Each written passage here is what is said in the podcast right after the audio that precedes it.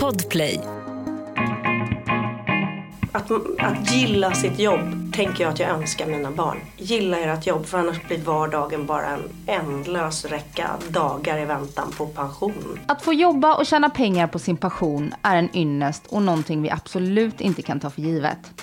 Men vi kan alla sträva mot att skapa en så tillfredsställande arbetssituation för oss själva som möjligt. Kanske värdesätter du flexibilitet i arbetet högt. Kanske är det dina kollegor som får dig att längta till jobbet på morgonen. Eller är det lönen, schyssta villkor, utmaningen? Det här avsnittet ska handla om att ha arbetet som sin passion. Och veckans gäst är Alexandra Rappaport. Och hon är ju en av våra mest framgångsrika skådespelare. Just nu är hon aktuell med en ny säsong av Viaplay-serien Heder, där hon spelar en av huvudrollerna tillsammans med Eva Röse, Julia Duvenius och Anja Lundqvist. Heder produceras av Bigster, som Alexandra är medgrundare av och delägare i. Och efter att ha intervjuat Alexandra flera gånger så vet jag att arbetet är hennes stora passion. Hur tänker hon kring att ta makten över sin egen karriär? Och vad i skådespelaryrket är det hon brinner för så mycket? Och vad är hennes tips för att lyckas göra sin stora passion till en inkomstkälla? Jag heter Anna Hegerstrand och du är varmt välkommen till ett nytt avsnitt av min podcast Livshjulet med veckans tema Jobbet är min passion med Alexandra Rappaport.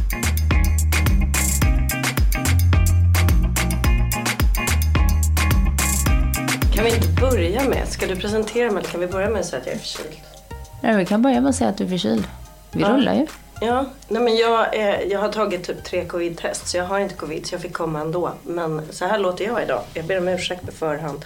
Ja, men jag är bara så glad att du vill komma tillbaka. Det är ju ett år sedan vi såg senast, för då gästade du min andra podd, Fundamentalt. Just det. Mm, det var i juli släppte vi det avsnittet. Just för ett det. år sedan. Men det är sex år sedan du gästade avsnitt 140 av Livshjulet.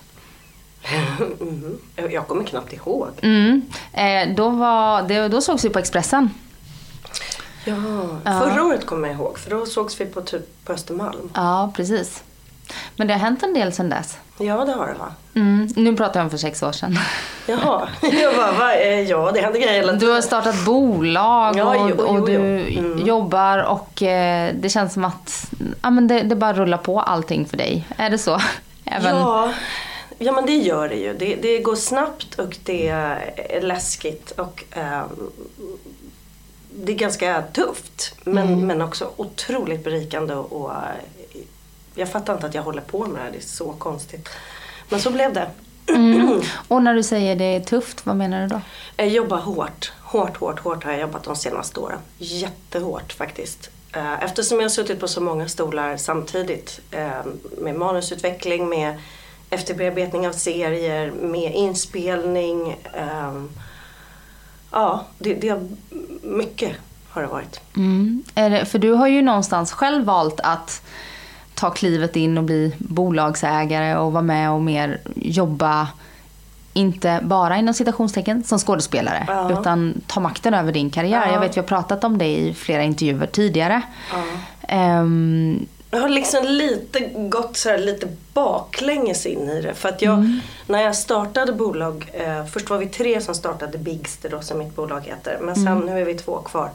Så var det lite sådär motvilligt men ändå, jag kan ju inte säga nej till den här chansen liksom. Jag, jag måste ändå prova men jag kände inte, vad, vad, ja jag kan lite om innehåll, vad faro ska jag bidra med när det kommer till bolag? Men det är ju sex år sedan ungefär, fem år sedan kanske. Och det är så himla mycket som har hänt. Jag har lärt mig så mycket. Så nu är jag, står jag i det totalt liksom. Mm. Och eftersom att eh, det här avsnittet av Livshjulet eh, handlar om att ha jobbet som sin passion, där du har varit väldigt tydlig med att här, jag har inga direkta fritidsintressen, jag är med min familj när jag inte jobbar, men jobbet är min passion. Eh, är det så fortfarande då? För det är ju skådespelaryrket du valde och som är din passion, men nu så gör du ju så mycket annat som inte handlar om att agera framför kameran. Ja, alltså så här. Eller på scen. Skådespeleriet är fortfarande liksom är det jag brinner för. Det är det som, som gör mig riktigt lycklig liksom. Och det som killar igång alla mina fantasier och liksom eh, känns mest utvecklande. Men det andra är också bra. Men det, det är mera hårt arbete på ett annat sätt. Eh, men det som med, med Bigster nu så får ju jag chansen att, att utveckla historier som jag själv kanske kan spela i. Men det som har börjat hända nu på sistone är att jag också börjar driva grejer där det inte finns någon roll för mig. För att jag inser att jag försöker koka ner det till, ja men vad är det jag gillar då egentligen? Jo det är ju att berätta, berätta historier. Förmedla historier ska jag säga. Och det gör jag på alla plan nu. Ja, du gör ju så mycket annat nu än att liksom skådespela. Ja. Eh, och du har ju blivit, ja men du fick ett erbjudande, du kunde inte tacka nej. Nej, Och nu så driver du, bolag. ja, är det två bolag eller ett bolag? Jag eh, och Kalle Jansson som är min eh, bolagspartner. Eh, han, vi driver Bigster som producerar drama. Men sen är vi Bland också, annat Heder. Bland annat Heder, Gåsmamman, eh, Det är något som inte stämmer, vår första långfilm som Martina Haag regisserar.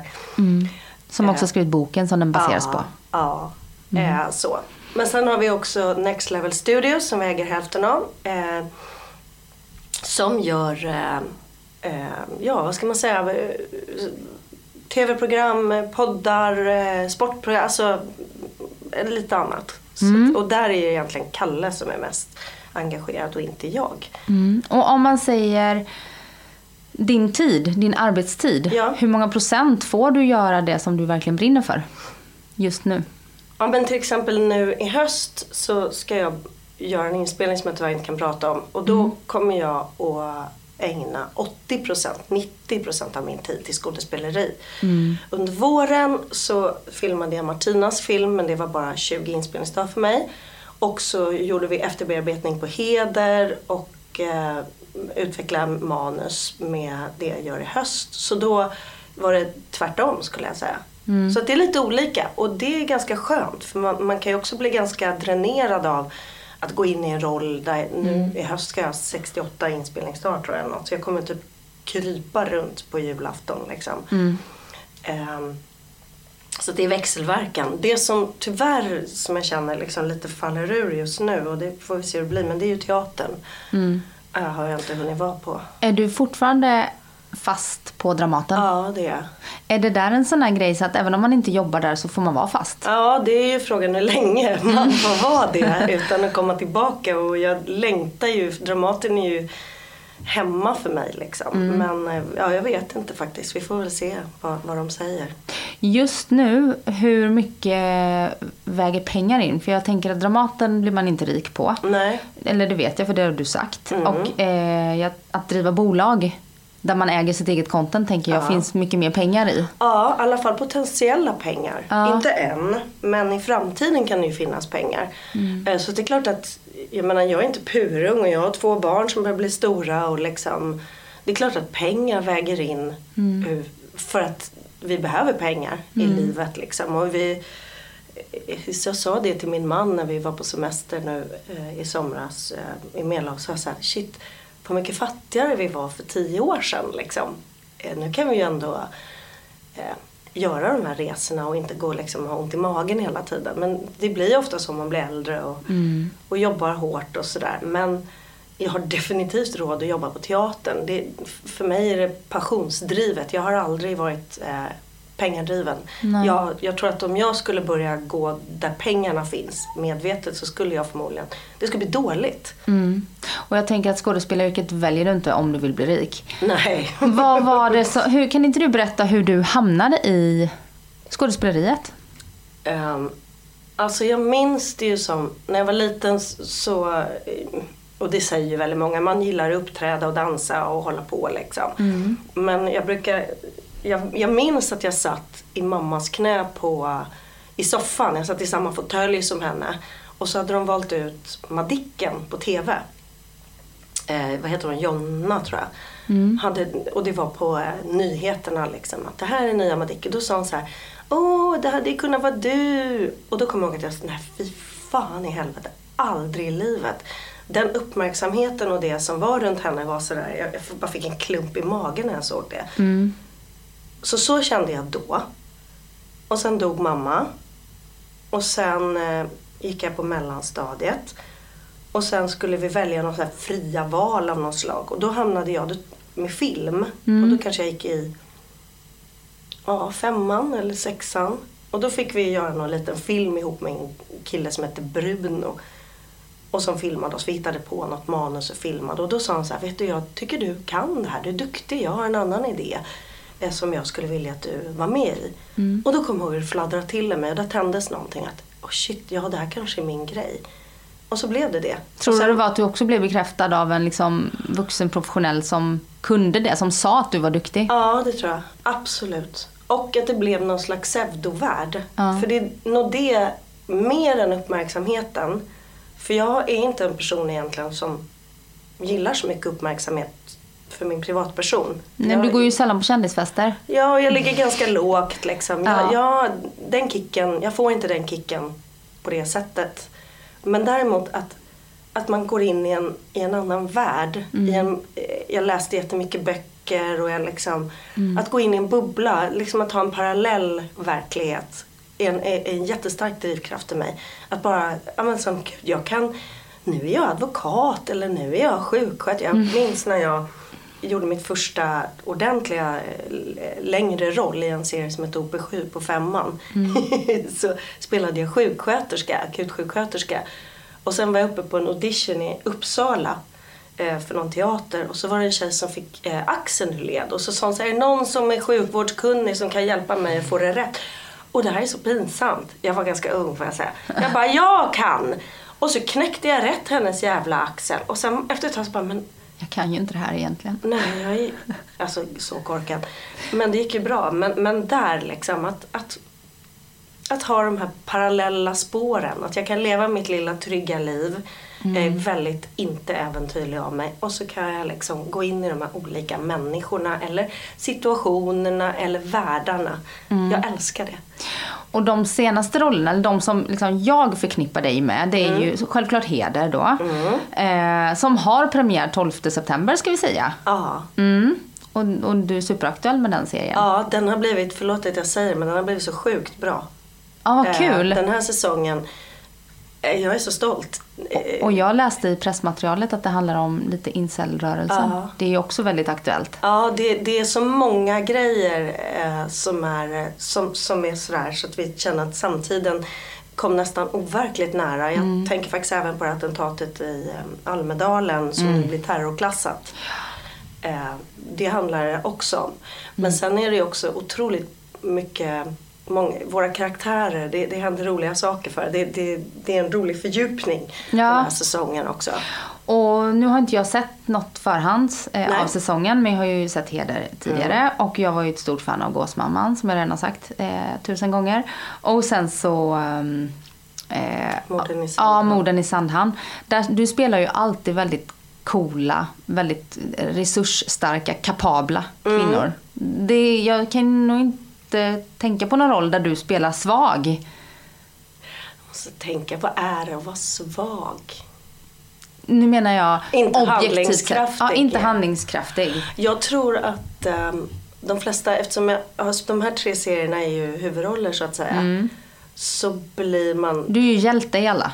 ja men jag tror att det comes with the part liksom. Eh, på något sätt att spela en stor roll som inte är, har någon egen drivkraft. Det här har jag lärt mig då eftersom när vi skriver manus Ja. så har man insett att blir man bara reaktiv. Det här har jag jobbat så mycket med också med Sonja. Där vi har insett att i fyra avsnittet är hon bara reaktiv. Eh, förlåt, så avsnittet. I fyra avsnitt är hon bara Ja. reaktiv. Eh, och det blir inget bra för historien. Nej. Eh, Hon måste vara drivande, liksom, i sin roll. Så det jag tänker är, dels har du säkert rätt, jag tror att jag gärna blir castad i Mm. handlingskraftiga roller. Fast det jag upplever är att de är handlingskraftiga på olika sätt. Eh, det ska i och för sig bli spännande att se det är något som inte stämmer för där är jag inte särskilt, jo det är jag också lite. Det händer ingenting om en stor roll inte har något driv. Nej, jag fattar.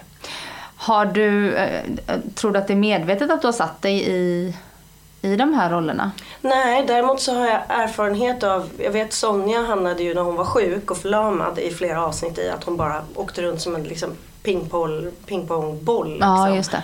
Det blir inte så bra. Nej, Det blir liksom inte så bra TV. nej. Ehm, Och det, för jag tänker Anja Lundqvist, hon hade ju en roll i Gåsmamman som var mer lite så här brudig. eh, Ja. eh, och då är det en biroll. ja, det är en Då biroll. funkar det ju liksom. Ja. Mm. Men har du någon längtan efter att göra någon annan typ av roll? där du får eh, utmana andra sidor av dig själv? Ja, det har jag absolut. Um, jag tycker nog att det är något som inte stämmer i en annan typ av roll. Sen har jag ju då som sagt ett projekt som jag börjar med till hösten som också är eh, att bryta ny mark för mig. Spelar du den bedragna kvinnan i Det är något som inte stämmer? Så det är ju huvudrollen också ja. Det är det, men filmen, eh, Martinas film Det är något som inte stämmer bygger på två av hennes böcker. Ah, okay. Det ena är Det är något som inte stämmer, det andra är Tiden går så fort och ändå så långsamt tror jag att den heter. Så det är liksom, den utspelar sig på två tidsplan som varvas. Så det är samma karaktär när hon är 15 och när hon är, är 50 liksom. Ja, ah, jag fattar. Är det du som uppvaktar Martina och säger så här, vi vill göra film om din bok? Eller Nej, är det hon nej. som kommer till dig och säger, jag vill att ni ska göra film om min bok? Eh, nej, det var faktiskt inget av det utan hon hade olika readings eh, eh, där hon provade massa olika skådespelare. Så jag välkomnades hem till henne på en sån läsning. Och sen tittade vi på varandra när jag hade läst och vi hade lite så tårar i ögonen och så bara, ja ah, nej men det där. Är Sen, ni, känner ni varandra sedan gammalt? nej, inte alls. Ja, vi har hälsat liksom men nej. Vi har Kändishälsning? Ja, men lite så. Jag tror att vi sågs på någon fest när vi var unga och satt och pratade. Men nej, vi hade, nej, inte så.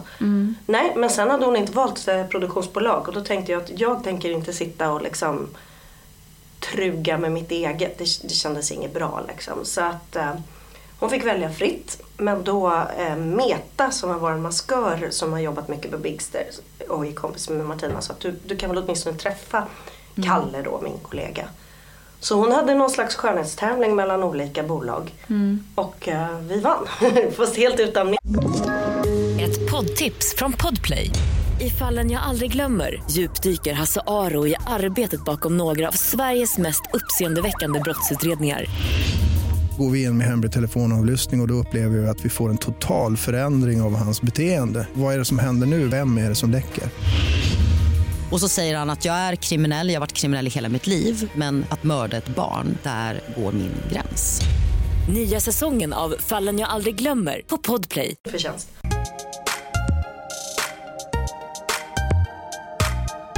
Tittar man på dig utifrån, eh, oavsett om man vill bli skådespelare eller inte, så är ju du en av de mest framgångsrika på det du gör i Sverige. Du är en av våra mest kända skådespelare.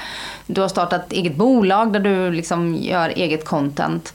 Vad, vad skulle du säga är din eh, drivkraft i, det är inte pengar, men vad är, vad, är liksom, vad är det som driver dig framåt? Som du tänker att man kan ta till sig om man lyssnar på det här och säga jag vill också jobba med min stora passion. Jag vill också Ja, inte men är behöva fritidsintressen. Det, det är det du säger. Det är ju passionen för att berätta historier. Passionen för att liksom kne, knipa och knåpa höll jag på att säga. Det var jättekonstigt. Men, men jag fattar. liksom forma berättelser. Mm. Och så märker jag att jag blir bättre och bättre på det. Det är nog min passion. Om du tittar runt dig i din bekantskapskrets. Ja. Är det vanligt att man liksom gillar sitt jobb? Och, eller har man eh, inplanerat med golf på fritiden för att liksom känna att man gör något kul? Nej, men jag skulle säga att de väninnor i branschen som står mig närmast, det är, inte, det är några tjejer liksom. De, nej, de har inte heller några fritidsintressen. Det är ju, det är ju passionsdrivet. Även om vi brukar ironiskt säga, gud vad vi ska vara tacksamma som får hålla på med våran hobby, brukar man säga när man får så pissdåligt betalt. Ehm, Som också motiverar arbetsgivaren att ge pissdåligt Ja, betalt. precis. så är det väl ganska mycket så. Sen finns det Och några. utanför din bransch? I din bekantskapskrets? Säg att ni går på en parmiddag och det är en revisor och en sjuksköterska som... Ja men då är det ju paddel och golf och, och äventyrliga resor och jag skulle säga att de, de i min bransch, kanske Anja och Julia och, och jag och sådär som jag liksom står nära. Vi åker, eh, ja vi kanske gör något lite annorlunda på semestern men vi vill mest ha semester för att vila upp oss så vi orkar jobba. Medans eh, de andra människor jag umgås med utanför branschen de, de vill ju också uppleva mycket när de är eh, på resa eller när de är lediga. Och jag är lite så här upplevelsefientlig. Jag vill helst bara mysa. Ja, ja, men du upplever ju mycket när du jobbar. Du är ju Ja. liksom utbildad sjuksköterska helt plötsligt. Ja, men jag eh, tänker, tror du att det är att om man jobbar med sin kreativitet, som ju du gör hela tiden, och som även jag gör i mitt jobb, att det är mycket lättare att göra sitt jobb till en passion än om du till exempel jobbar som ja, gymägare eller eh, lärare. Just gymägare tänkte jag, där, de har nog också, jag tänker ja, det är nog i och för sig kreativt. Det, det är klart Att vara egenföretagare. Man, man kan ju vara kreativ på olika sätt. Eh, Man måste ju inte vara konstnärligt kreativ. Men har man ett icke-kreativt arbete så, så kan det ju vara svårt kanske att känna passion. S- Men har man ett kreativt arbete oavsett om det handlar om konst eller ja, men gym som du säger. Då, då, då är det klart att det blir ju en drivkraft. Eller så kan det ju vara en drivkraft att bygga upp en verksamhet eh, i- inom någonting, inom fastighet, inom vad som helst. Jag tror att, att, att, att gilla sitt jobb tänker jag att jag önskar mina barn. Gilla ert jobb för annars blir vardagen bara en ändlös räcka dagar i väntan på pension. Vad man än är lagd åt för håll. Ja, och, men att jobba med sin kreativitet sätter ju också press på kreativiteten. Ja. För det är den du kapitaliserar på. Ja. Kan du, vaknar du aldrig upp och känner så här, fan jag orkar inte, Jo. jag har, inget i mig. Ja, jo, det gör jag. Eh, Jag vaknar upp, eller jag kan känna, när det kommer till att starta upp nya grejer kan jag känna men där är det så fint att ha en kollega då, en partner som Kalle. Därför att jag kan bara säga, ja, den här idén, jag, jag får liksom ingenting till mig. Nej men jag har, jag har idé.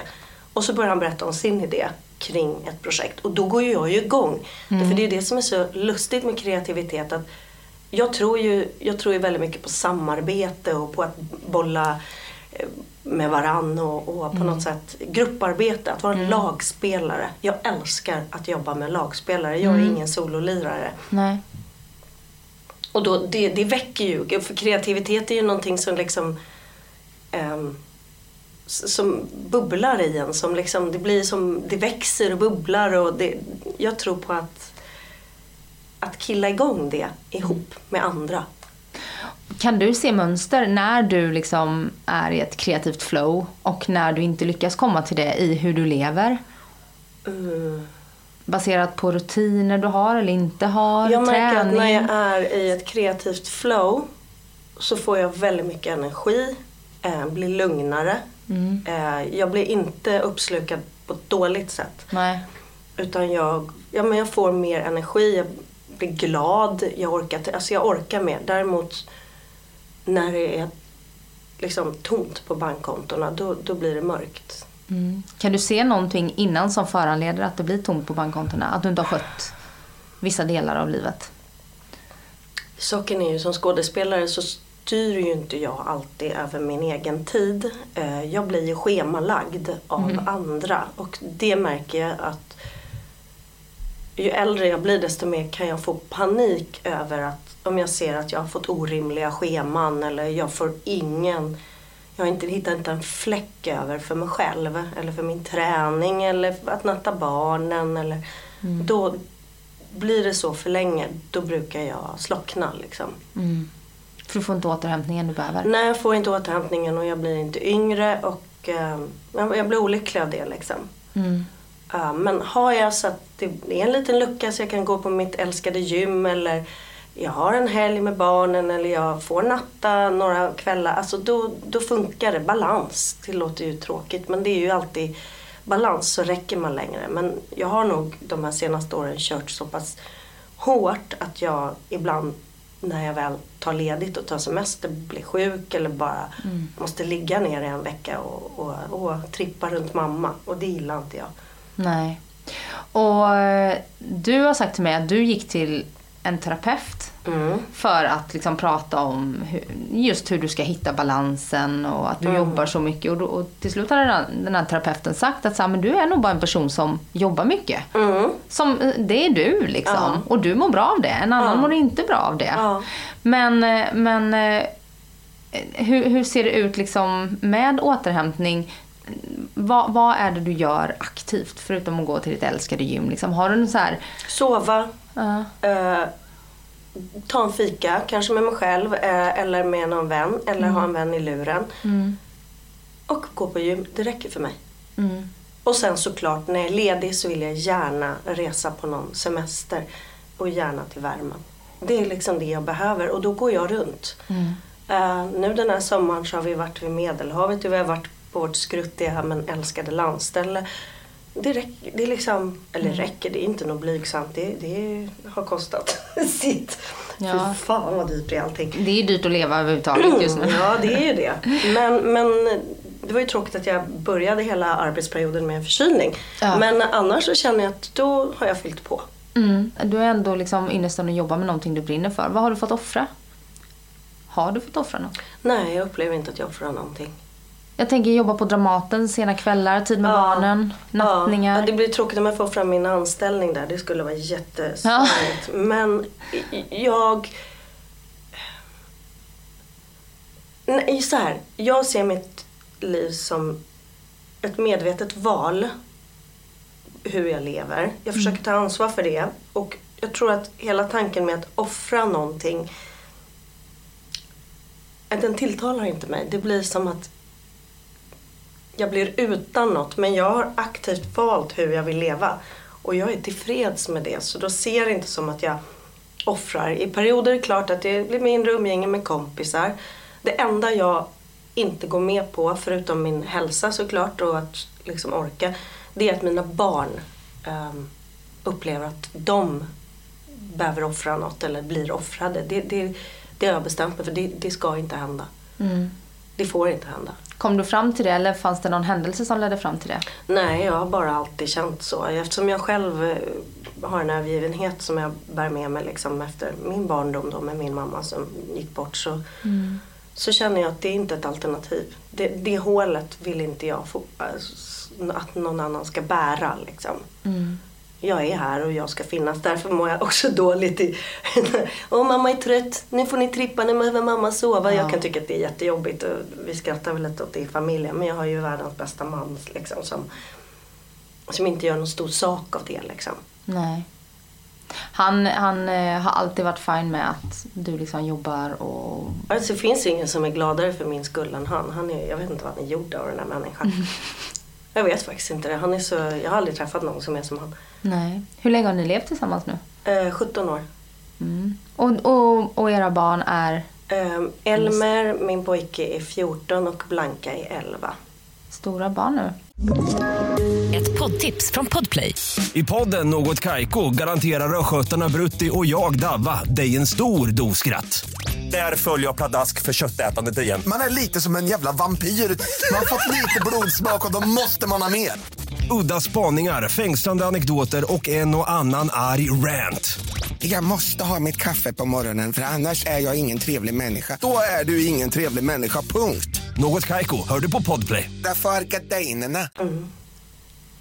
Det, men det kommer ju också en liten ny tid i livet. Att så här, jag är ju mitt i det här småbarnsträsket. En fyraåring och en sexåring. Och nu så försöker jag pussla med inskolning på förskoleklass och jobb. Och det ena med det femte.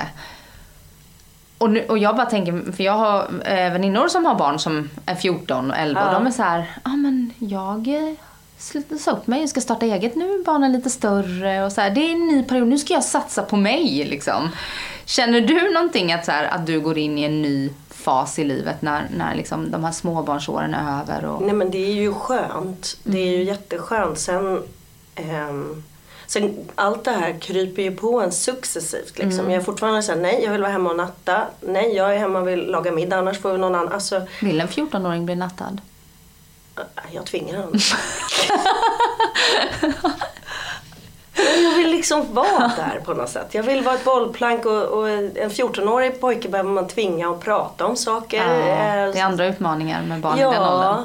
och en 11-årig flicka eh, vill gärna bli nattad och Mm. har också mycket tankar i brytet mellan liten och stor. Mm. Ehm, Har de någonsin haft problem med att mamma är på TV eller i, på framsidan av söndagsbilagan? Nej. Jag tror dottern tycker att det är lite kul. Eh, sonen tycker nog mest att jag är pinsam, tror jag. Ehm, han sa ingenting när han började i en ny klass. Han sa ingenting på typ ett år. Han har ett annat efternamn så han sa Ah. inte att jag var hans mamma. Jag tyckte det var ganska coolt. ja, han vill inte freerida på dig. Nej, nej, och det är ingen som vet vem du är mamma. Det, nej, sluta. Så, så var det ju pandemi så jag var ju inte där på några föräldrar. Nej. Nej, han vill vara sin egen. Ja. Såklart. Hur, eh, du sa att du pratade med barnen om att eh, ni ska välja jobb som ni brinner för Mm. och sådär. Och det, är ju, det ska man ju göra. Men det, man ska ju också välja ett jobb som, som är rimligt. Alla kan ju inte bli Alexandra Rappaport liksom, i skådespelarvärlden. Nej. Nej. Eh, Den där knepig för att idag kan jag uppleva, nu pratar jag inte om mina barn, men jag kan Mm. uppleva att det är lite så här med idol och med talang och med så här. Nej, men jag tycker om, ja, nej, men lite så här, jag tycker om att sjunga så nu tänker jag bli musikalartist. Ja, fast okej. Mm. Det, det är lite det här att man tror att hela livet Mm. eh, ska vara en quick, quick fix. Eller nej men jag vill till Hollywood. Ja men du har gjort en roll. Eller liksom jag är uppvuxen med att man utbildar sig, man sliter, man gör sina hundår. Jag har verkligen eh, gjort mina hundår. Och jag har gått den långa vägen. Liksom. Jag hade inga kontakter och jag hade ingen liksom, det fanns ingen som upptäckte mig. Eh, och det kanske var lite av en sorg också. Jag, jag, när jag när jag började så, så var jag mörk och jag såg fel ut för det var andra tider. Det, fann, liksom, jag, det var väldigt må- många roller jag inte fick. Har du, ja, du har blivit påverkad av det i, din, Mm. i ditt yrke? Ja, det är så roligt för jag hörde att det var någon, eh, jag fick höra inifrån att det, det surades lite i branschen att jag spelade Nor i heder för att jag är ju inte, jag kommer inte från Mellanöstern. Eh, och varför inte ge den rollen till någon som gör det? Och då tänkte jag bara, fast det är roligt för att när jag, det här har jag ju berättat tusen gånger, men när jag skulle ju provfilma för den här rollen i Tsatsiki som, hen, som hans morsa så producenterna ställde sig på bakgasen. att Det går ju inte att ha någon som är mörk. Pappan skulle ju vara grek, hon ser ju inte svensk ut. Och så fick jag liksom provfilma med en blond peruk. Så att Fick du göra det? Ja, en linblond peruk. Jag och Ella Lemhagen som regisserade, vi skrattar ju åt det där fortfarande. En blond bob. Jag såg inte klok ut. Men det var väl någonstans ditt tv-genombrott, eller? Ja, då hade jag gjort den här OP7 där jag då hette Ja. Jolanda Hatzimitakos och var utländsk. Så jag var grekinna liksom. Eh, men då, det var min första svenska roll. Och jag är ju född och uppvuxen i Sverige men mina föräldrar är från Polen så då, Mm. det är ju roligt liksom hur jag nu har blivit den som tar roller från mörka. Alltså för Ja. mig är det helt konstigt. I början av karriären fick du inte spela, Nej. inom citationstecken, svensk. Nej. Född. Och nu får du inte spela Nej. när du har alla strängar på din lyra, egentligen. Ja, jag tänker, jag är ändå ett skådespelare liksom. Ja. Men ja. Ja, jag förstår. Om du, eh, om du skulle eh, ge några tips då till den, för jag kan hålla med lite att det är lite så här att man pratar med sina barn och så här, ja men vad vill du bli? Alla kan bli vad de vill. I Sverige har vi sådana möjligheter och, liksom, och det föder ju också att så här, Det födde eh, en grogrund för besvikelse. Ja, väldigt mycket besvikelse och det säger en, eh, min sambo som, eh, eller vi pratar om det att så här, han, han jobbar på ett bolag och så här, ja men i lite yngre människor, det är lite så här att man kommer in efter skolan och så ska man ha 45 000 i månadslön och Jag bli vet. VD inom fem år. Ja. Och så funkar det ju inte Nej. för de flesta. Det där är ju helt... Mm. Eller så här, du, ja men Avicii han satt ju och meckade med låtar i sin källare och så blev han världskänd DJ. Ja, det var Avicii.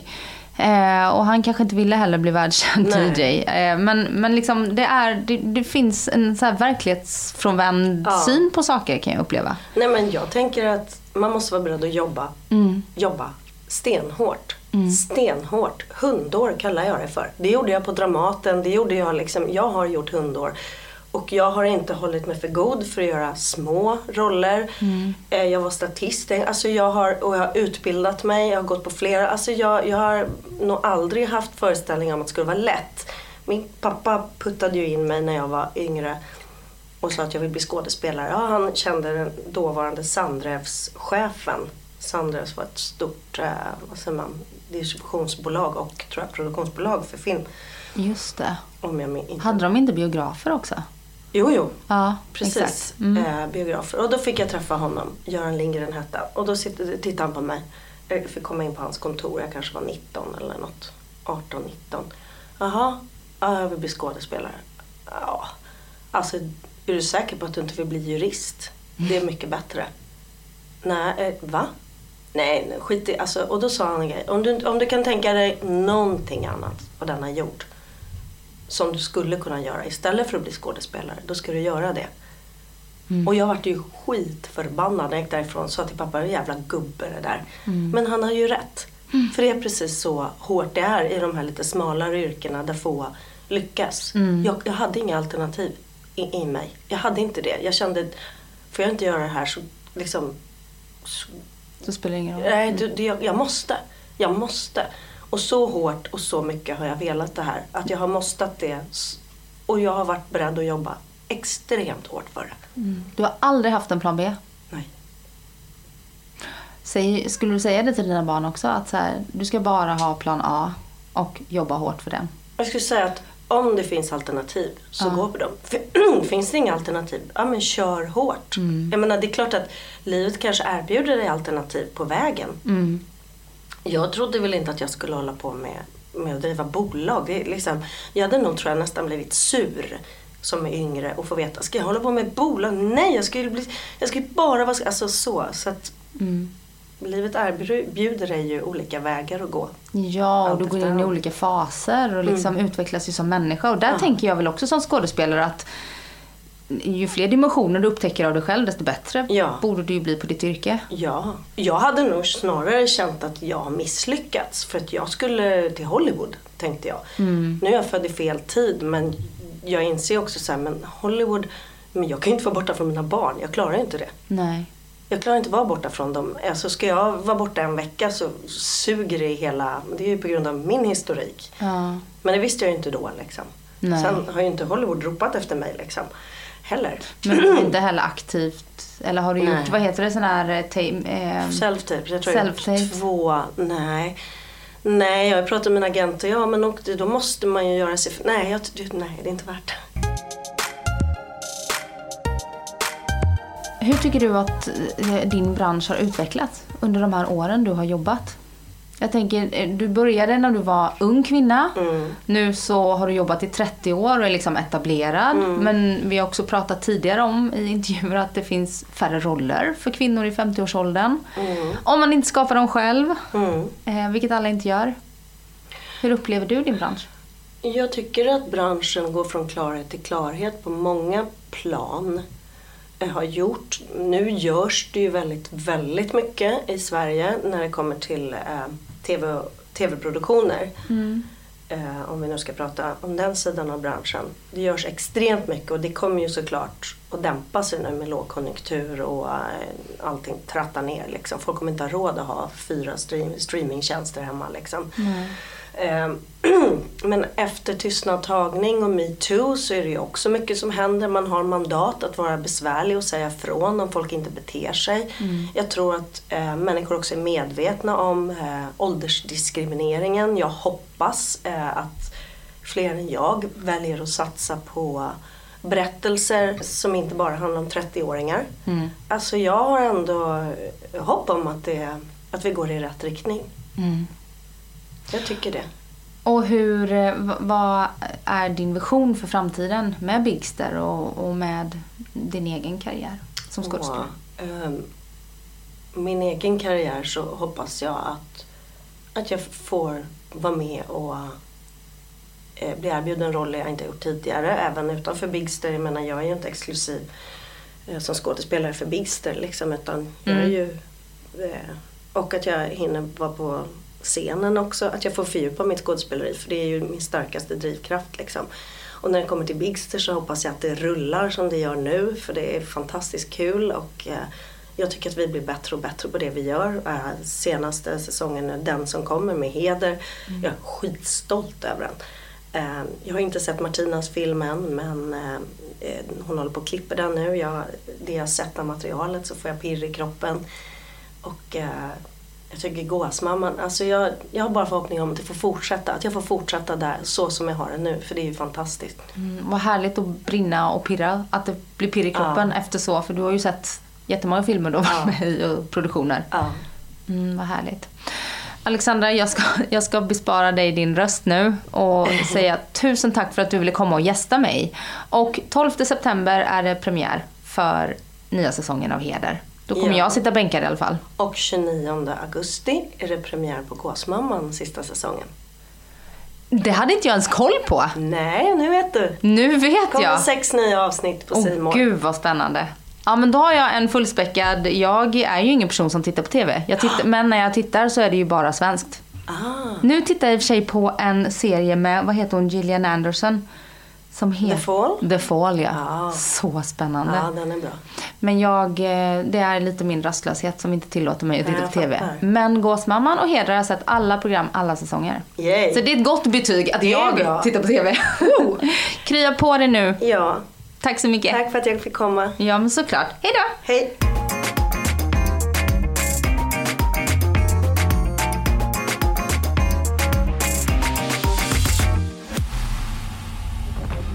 Podplay, en del av Power Media. Ett poddtips från Podplay. I podden Något Kaiko garanterar östgötarna Brutti och jag, Davva, dig en stor dos skratt. Där följer jag pladask för köttätandet igen. Man är lite som en jävla vampyr. Man har fått lite blodsmak och då måste man ha mer. Udda spaningar, fängslande anekdoter och en och annan arg rant. Jag måste ha mitt kaffe på morgonen för annars är jag ingen trevlig människa. Då är du ingen trevlig människa, punkt. Något Kaiko, hör du på Podplay. Därför är gardinerna.